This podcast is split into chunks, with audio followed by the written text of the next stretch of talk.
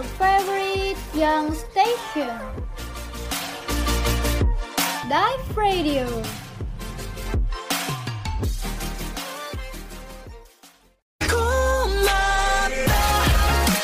K-pop Zone, zonanya para K-popers.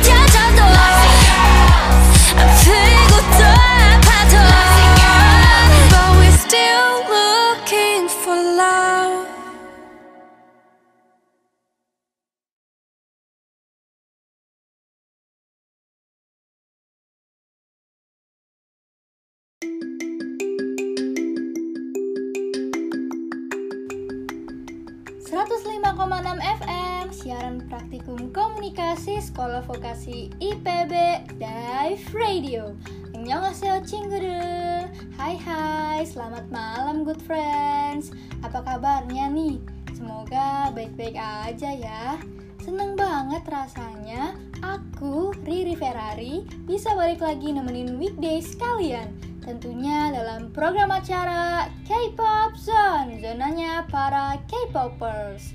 Pasti good friends sudah pada nungguin aku kan? Di mana lagi kalau bukan di Dive Radio, edisi Selasa 6 Oktober 2020.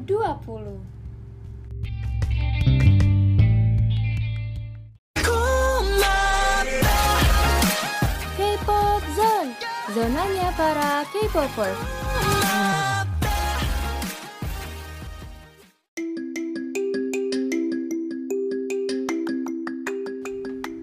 Seperti biasa nih good Friends. selama 45 menit ke depan aku akan nemenin good friends di program acara K-pop Zone, zonanya para K-popers. Aku bakalan kasih tahu informasi-informasi terkini, teraktual dan terpercaya dari dunia K-pop serta lagu-lagu yang keren abis. Nah, pasti good friends sudah pada penasaran kan? Oke, tadi kan kita udah dengerin ya lagu terbarunya Blackpink. Kece banget kan good friends?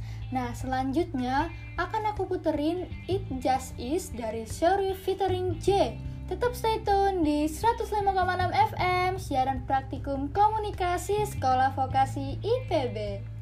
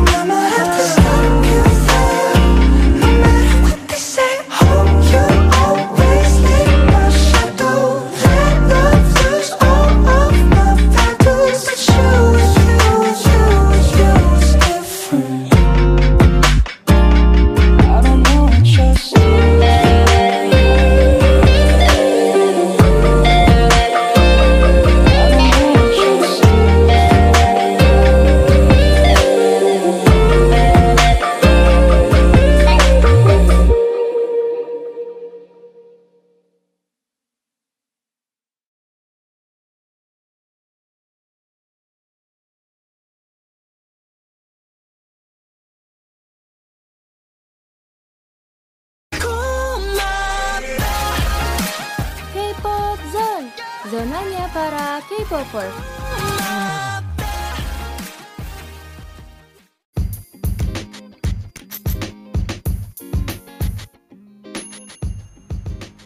Hey yo good friends, kembali lagi bersama aku Riri dan pastinya dalam program acara K-pop Zone, zonanya para K-popers. Gimana nih tadi lagu collabnya JD6 sama Sorry? Their voice are the kind of voice I wanna listen every time. Iya nggak good friends? Malah ada yang bilang nih kalau suaranya Sorry ini mirip Billie Eilish. Emang sih suaranya sama-sama enak didengar dan chill abis. nah, buat edisi kali ini aku akan ngasih informasi atau pembahasan yang sedikit beda dari edisi-edisi sebelumnya. Kenapa gitu? Hmm, pertama deh, aku mau tanya sama good friends yang lagi dengerin ini di mana pun kalian berada. Kalian bangga gak sih sama title K-popers yang melekat di diri kalian? Harus dong, karena dikutip dari media online CNN Indonesia, para K-popers di Twitter bersuara soal isu sosial yang lagi hangat saat ini, yaitu tentang Omnibus Law. K-pop fans atau yang biasa kita sebut K-popers, terutama yang berada di Indonesia ya, kembali lagi ikut aktif buka suara buat nanggepin isu politik dan sosial yang lagi terjadi di negeri kita tercinta, Indonesia. Mereka kali ini ikutin ngeramein tren Omnibus Law di Twitter loh good friends. Ada beberapa tagar yang kemarin disuarakan oleh K-popers ini, seperti hashtag Mosi Tidak Percaya, hashtag Gagalkan Omnibus Law, hashtag Jegal Sampai Gagal, hashtag Jegal Sampai Batal, hashtag DPR RI Khianati Rakyat, dan masih banyak lagi hashtag yang diseruin sama K-popers Ina ini. Mereka ikut meramaikan di sosial media Twitter supaya bisa tetap trending. Nah, salah satu K-popers penggemar Bangtan Boys atau BTS yang sering disebut ARMY yang bernama Kadara mengatakan hal ini tuh wajar dilakuin karena K-popers ngerasa kalau mereka punya tanggung jawab sebagai warga negara Indonesia.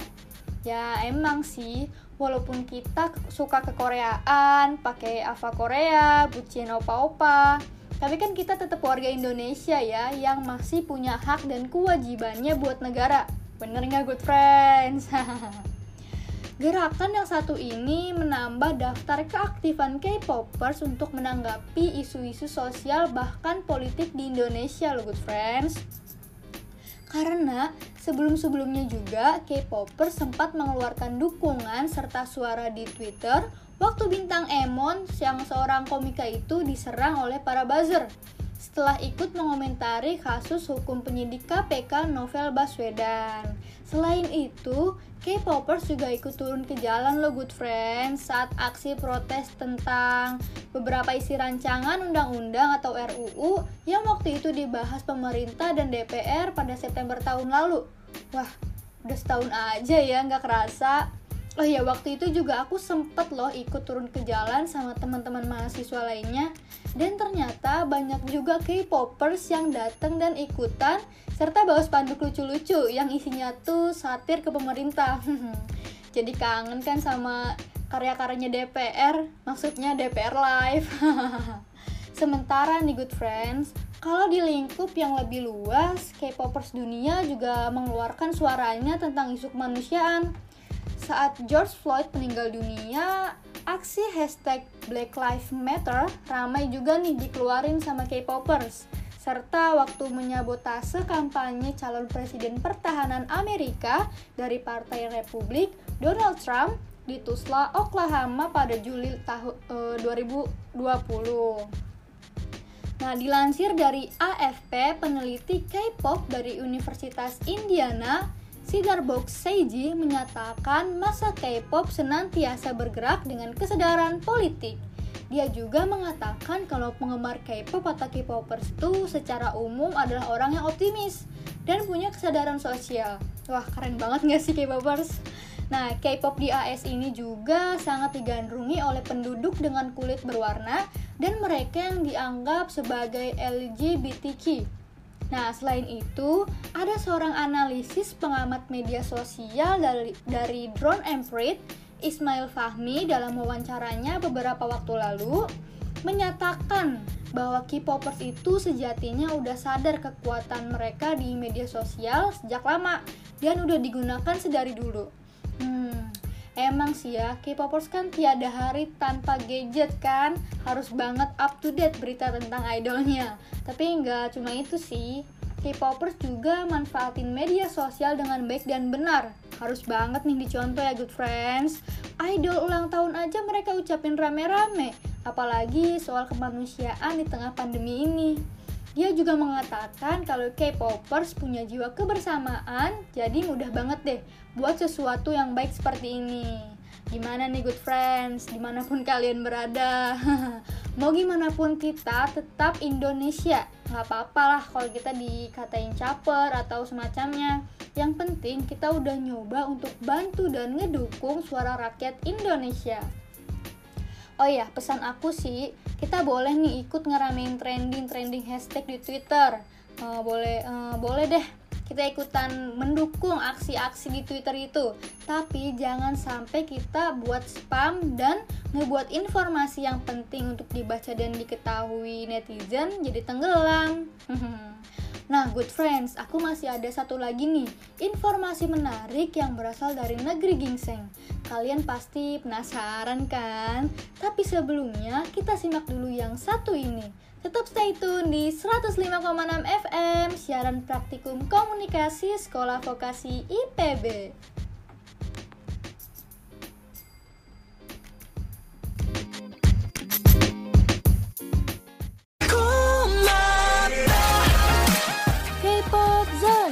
Zonanya para K-popers.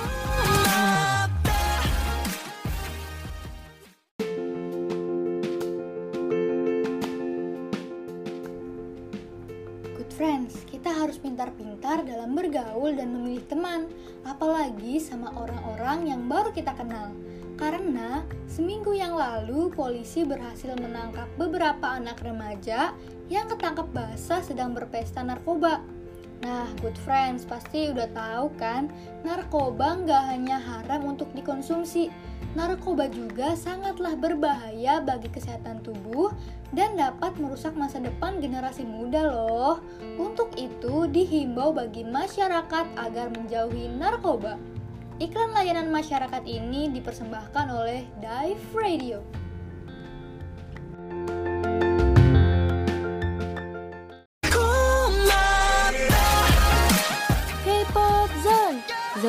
Para K-popers.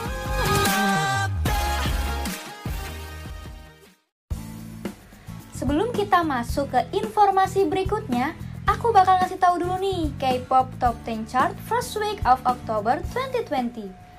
Nah, yang pertama ada BTS dengan lagu terbarunya Dynamite. Udah nggak kaget kan ya kalau BTS nyangkut di chart urutan pertama. Dalam 24 jam sejak musik videonya dirilis, viewers yang BTS dapetin tembus sampai 100 juta viewers loh good friends. Keren. Ding dong, call me on my phone. Nice tea, and I'll get my ping pong. Huh.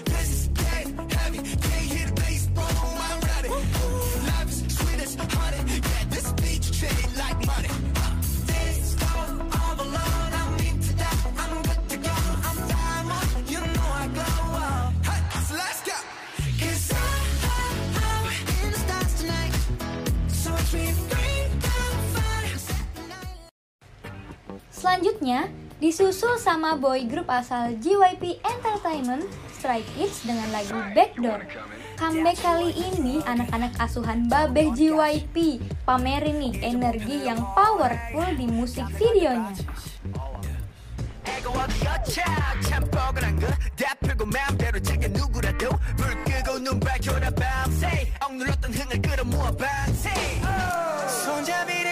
돌려내가 원하던 걸 다 볼래 이 문 앞에서 들리는 음악 소리 내 목소리가 터지도록 외쳐 멈칫 할 시간 따윈 없어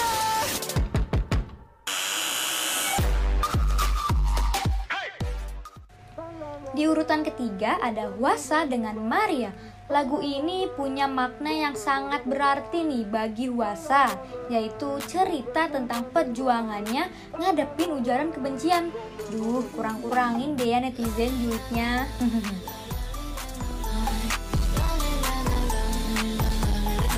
역으로도 뭐가 챘어 I do 서러워도 어쩌겠어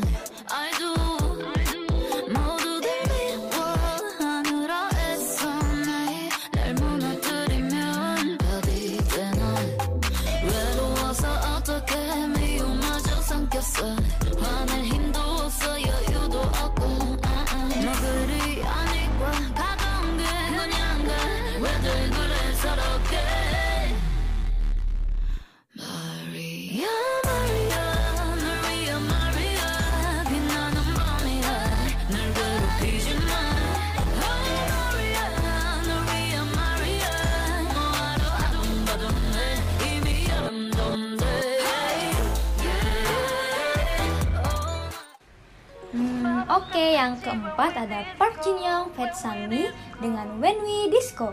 Wah, keren banget nih pasti. Duet antara bos JYP dan Bas Sunmi yang merupakan mantan artis JYP sendiri dari Wonder Girls.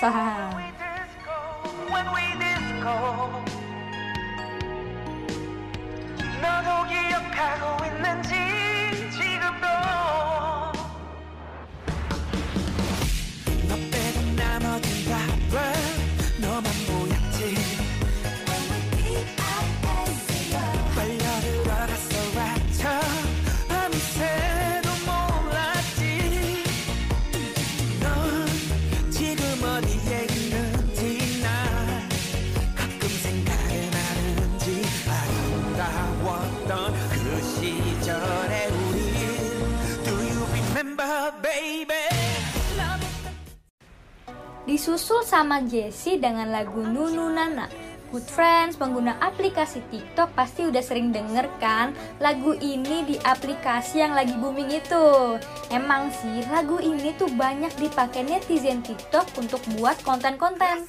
Dan lagu baru dari Jessie ini terbilang sukses dari comeback sebelumnya.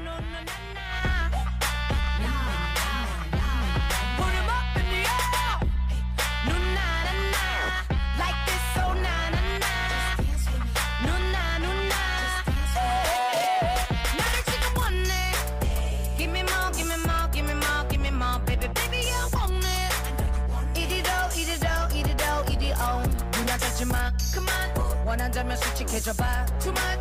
Oh, baby, what's I got to bad? I could give you everything, anything, baby, can you handle it? More.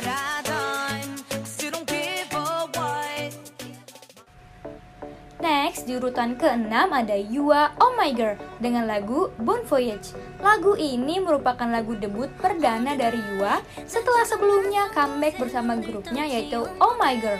Lagu debutnya ini juga berhasil dapetin urutan pertama di musik show dan trofi pertama untuk Yua.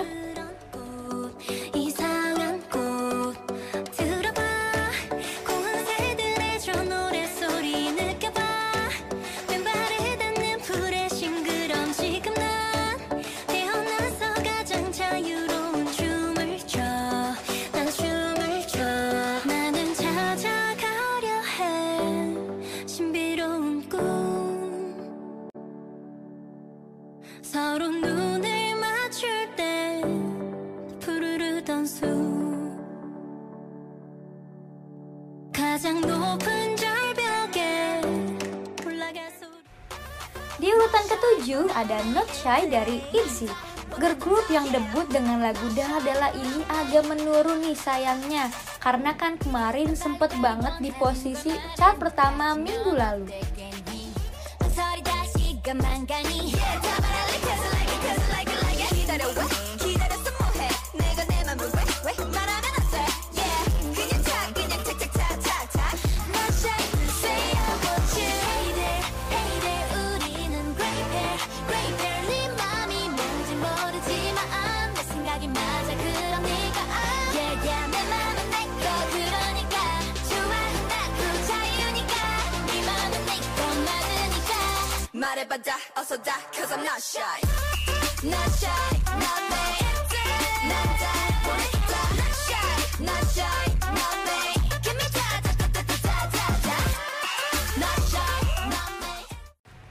Next, yang kedelapan ditempatin sama Ayu Fetsuga dengan lagunya 8.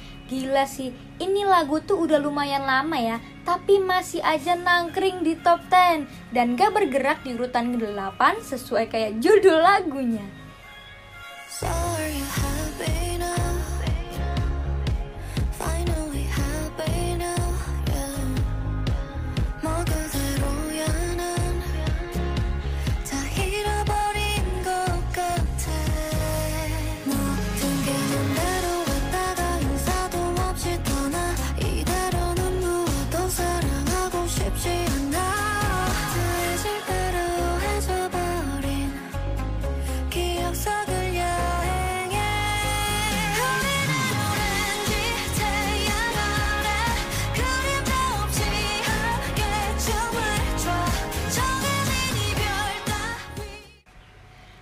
ada vokalis dari B1A4 nih, Sandel dengan lagu Slightly Tipsy. Lagu dari Sandel ini merupakan soundtrack dari drama Korea Sis My Type. Mantul abis.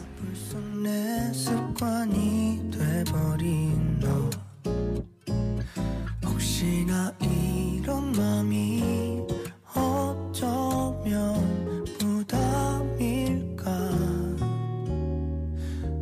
주저했어. 언제부터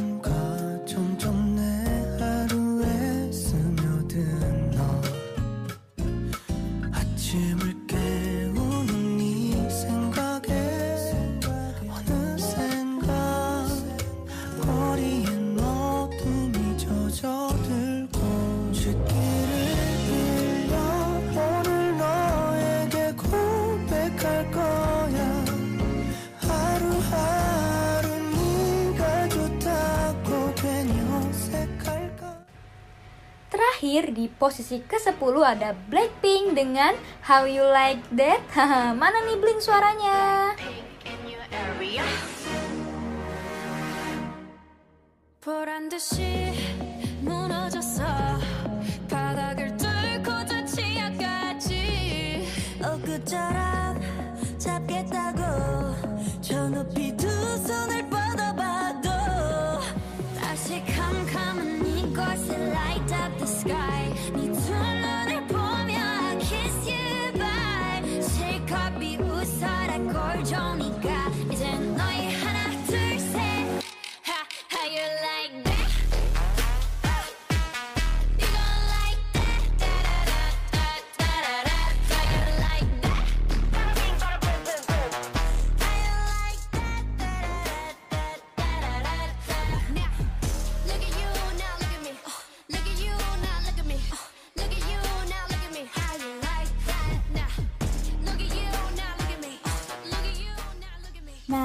Iya, K-pop Top 10 Chart First Week of October 2020.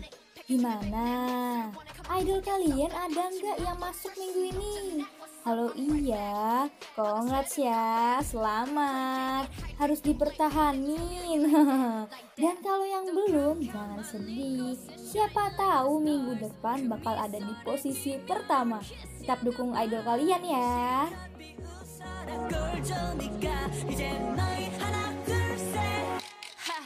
like that.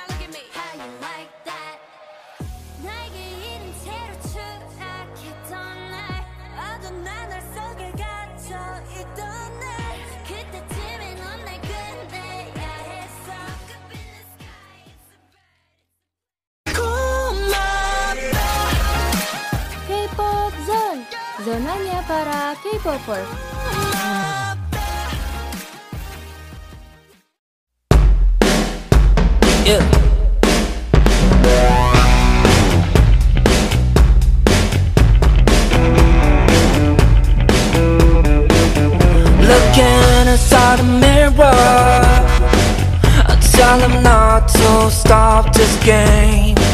It's been a while, I'm starting over. Gonna freak wild. yeah.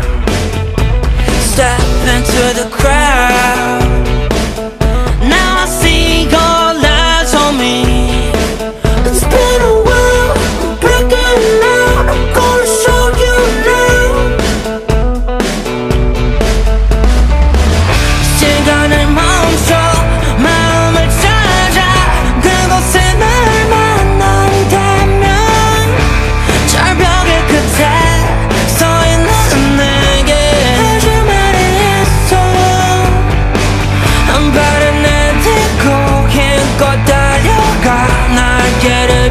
좀 봐도 돼. 어느새 하늘을 날고 있는 starlight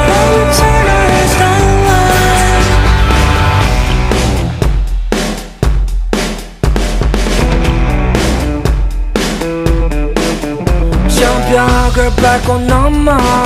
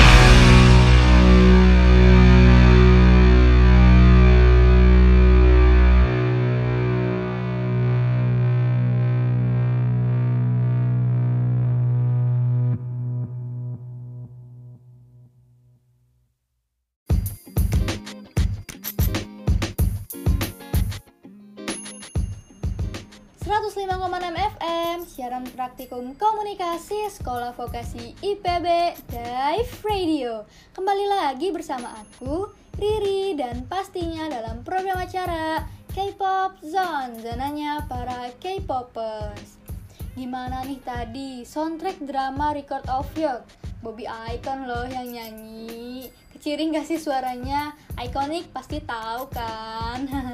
Ngomongin drama Record of Youth ini, Good Friends tahu nggak sih lead male dari drama ini yaitu Park Bo Gum mau ngejalanin tugas negaranya loh. Dia mau berangkat wajib militer. Nah, nggak cuma Park Bo Gum nih, aktor yang bakal ngejalanin wajib militer di tahun 2020 ini. Masih ada beberapa opa-opa ganteng kesayangan para pecinta drakor yang bakal mengabdi pada tanah kelahirannya. Karena di setiap tahun pasti ada aja selebriti pria Korea Selatan yang daftar untuk wajib militer. Hal ini udah jadi kewajiban banget dan harus dipatuhi sama semua warga negara berjenis kelamin laki-laki dengan usia 18 sampai 28 tahun serta harus dalam keadaan yang sehat dan bugar. Selama kurang lebih 2 tahun, para aktor terkenal terpaksa ninggalin gemerlap industri hiburan. Para penggemar dan khususnya good friends harus siap-siap ya buat nggak ngeliat wajah opa-opa tampan ini di drama Korea kesayangan kalian. Dikutip dari media online Intip Seleb, ada tujuh aktor yang bakal ngejalanin wajib militer di paruh kedua tahun 2020. Siapa aja sih? Nah, yang pertama ada nama Jang Kyung yang dipastiin ngejalanin wajib militer di paruh kedua tahun 2020. Karena Jang Kyung udah masuk batas umur untuk daftar wamil per 2020 karena dia lahir pada tahun 1992. Hmm, emang udah waktunya sih ya. Nah, Jang Kyung ini pasti bakal dikangenin kan sama para penggemarnya kalau udah ngabdi sama negara. Nah, sebelum ditinggal selama hampir 2 tahun, wah ntar cukup lama juga sih. Friends bisa nih nyaksiin drama terakhir dia yang berjudul Born Again. Di sana dia beradu akting sama Jin Soyeon dan Lee So Hyuk.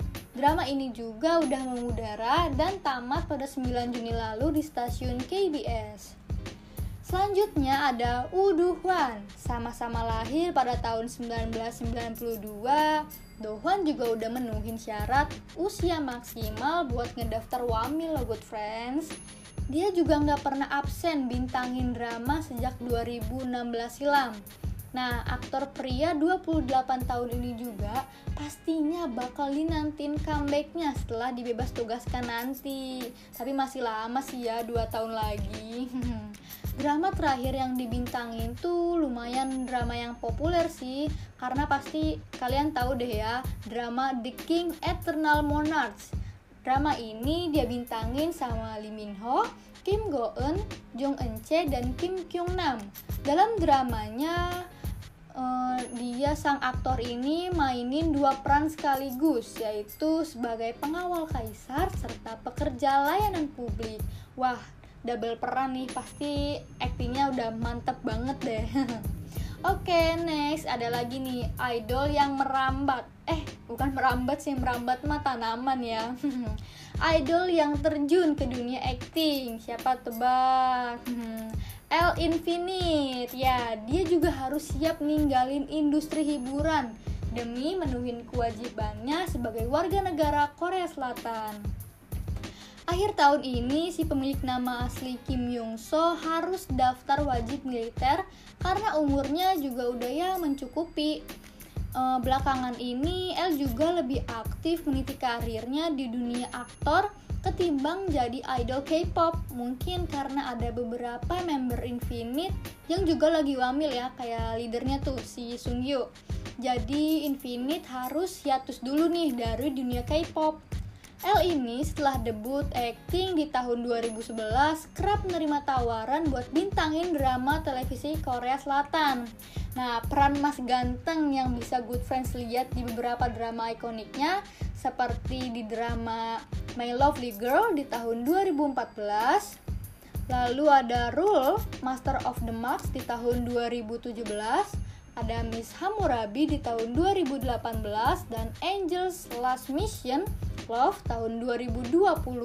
Cuma sayang banget nih, drama terbarunya yang berjudul Now The Secret Boy kurang diminati sama penonton sampai dapat predikat sebagai drama dengan rating terendah sepanjang sejarah.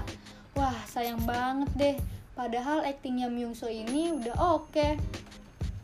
Nah, idola K-pop yang juga banting setir jadi aktor yaitu Kim Dong Jun juga dipastikan bakal jalanin wajib militernya pada paruh kedua tahun 2020 ini. Tapi kita nggak perlu khawatir nih good friends karena member dari boy group ZE akan menyapa para penggemar dan para fansnya untuk terakhir kalinya lewat project drama televisi. Kim Dong Jun juga udah dikonfirmasi jadi pemeran utama dalam drama JTBC Changes of Going From Friends to Lovers. Judulnya masih pen, eh, sementara dong ini bersama Oh Seung Woo dan Shin Ye Eun. Wah, Shin Ye Eun kan yang main drama The Secret Boy itu ya sama si L.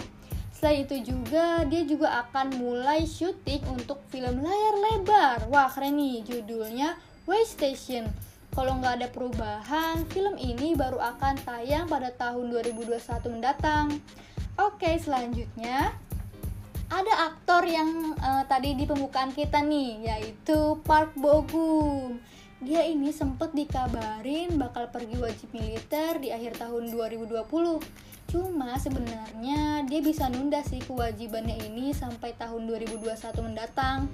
Karena Park Bo baru genap berusia 28 tahun ini pada eh, tahun 2020 ini karena dia itu kelahiran 1993 yang mana masih belum mencapai batas akhir pendaftaran. Nah, dalam sebuah wawancara yang dilakukannya, lawan main Song Hye Kyo di drama Encounter ini ngebahas pandangan dia soal wajib militer. Park Bo Gum bilang kalau dia nggak mau nunda kewajibannya untuk mengabdi pada negara jika waktunya udah tiba. Ih keren deh ya opa yang satu ini Karena nggak ngelupain sama sekali dan nggak abai sama kewajibannya Patut dicontoh nih good friends Sementara itu, Park Bo Gum juga masih punya deretan project yang harus dia kerjain tahun ini. si Opa ini juga laris ya. Dia juga udah dikontrak untuk main film layar lebar yang berjudul Wonderland yang akan beradu akting sama Gong Yoo, Bae Suzy, Choi Woo Sik sekaligus Jung Yoon Mi. Wah, keren-keren banget gak sih aktrisnya? Terus artis asuhan Blossom Entertainment ini juga lam- mm, lagi meranin sebagai Sah Hye Jun di drama Record of Youth sebagai pemeran utama bersama Park So Dam yang minggu kemarin kita bahas sih ini ya. Sekarang udah ada keberapa ya ini eh, Jang Ki Yong, Woo Hwan, L, Kim Dong Jun, Park Bogum. Oh, sekarang yang keenam berarti ya. Aduh, maaf deh aku emang suka lupa. Nah, untuk yang keenam ada Seo Kang Jun, teman sebayanya Park Bogum ini juga kelahiran 1993. Dia masih bisa buat ngundurin wajib militernya ke tahun 2021. Sampai sekarang, sang aktor ini belum pernah bahas soal rencananya buat jalanin wamil. Walaupun begitu, penggemar dari Seo Kang Jun masih bisa bernapas lega kan? Karena belum ada jadwal wamil yang pasti dari agensinya. Nah, belum lama ini juga member dari Surprise tersebut baru nyelesain dramanya bersama Park Min Young yang berjudul I Will Go To You When The Weather Is Nice. Terakhir ada second look tampan kesayangan kita semua. Siapa lagi kalau bukan Jisoo. Aktor kelahiran 1993 ini juga sebenarnya bisa mutusin buat ngejalanin wamil di tahun 2020 ini. Cuma nggak jauh beda sama Seo Kang Jun, Jisoo juga belum pernah ngebahas topik ini ke publik. Selagi belum ada keputusan resmi, Jisoo akhirnya nerima tawaran buat bintangin drama terbarunya MBC yang berjudul When I Was the Prettiest. Buat pertama kalinya nih, aktor tampan ini beradu akting sama Im Soo Hyang, Ha Sok Jin, dan Hwang So Eun. Drama ini rencananya bakal tayang pada paruh kedua tahun 2020. Nah, itu dia tujuh aktor yang bakal ngejalanin wajib militernya dalam waktu dekat ini. Buat good friends yang ngeidolin mereka, jangan pada nangis bomba ya ditinggal wamil 2 tahun. Masih banyak opa-opa ganteng yang bakal nemenin kalian di drama-drama yang akan datang. Tetap stay tune.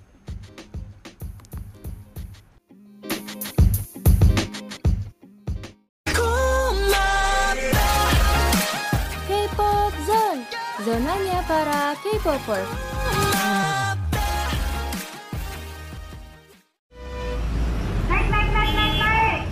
Eh bro, kenapa bro? Masa sekarang Exos lebih murah dari orang lain? Cakep lah! Bener lah!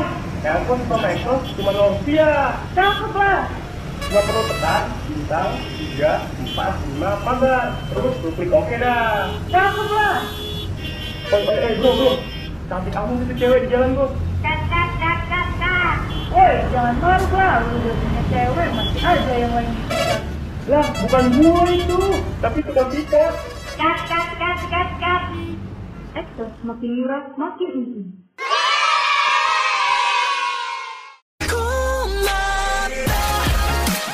K-pop Zone, zonanya para K-popers.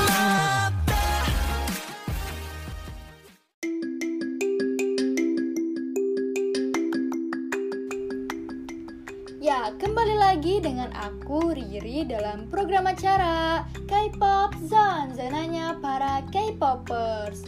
Wah, nggak kerasa ya good friends, udah 45 menit aku nemenin malam hari kalian sambil berbincang-bincang informasi soal peran K-popers sampai aktor Korea Selatan yang mau berangkat ngejalanin wajib militer. Semoga apa yang aku infoin ke good friends bisa jadi manfaat untuk kita semua. Buat good friends, jangan skip makan malam ya. Dan jangan lupa sediain amunisi buat temen nonton drakor. Makasih udah nemenin aku berbagi info dan lagu di program acara K-pop Zone, zonanya para K-popers. Happy weekdays! Aku Riri pamit undur diri sampai ketemu lagi di 105,6 FM siaran praktikum komunikasi Sekolah Vokasi IPB Dive Radio. Annyeong.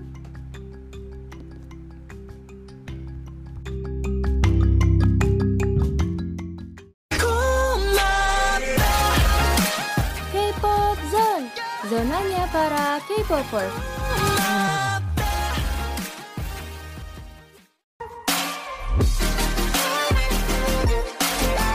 Your favorite young station.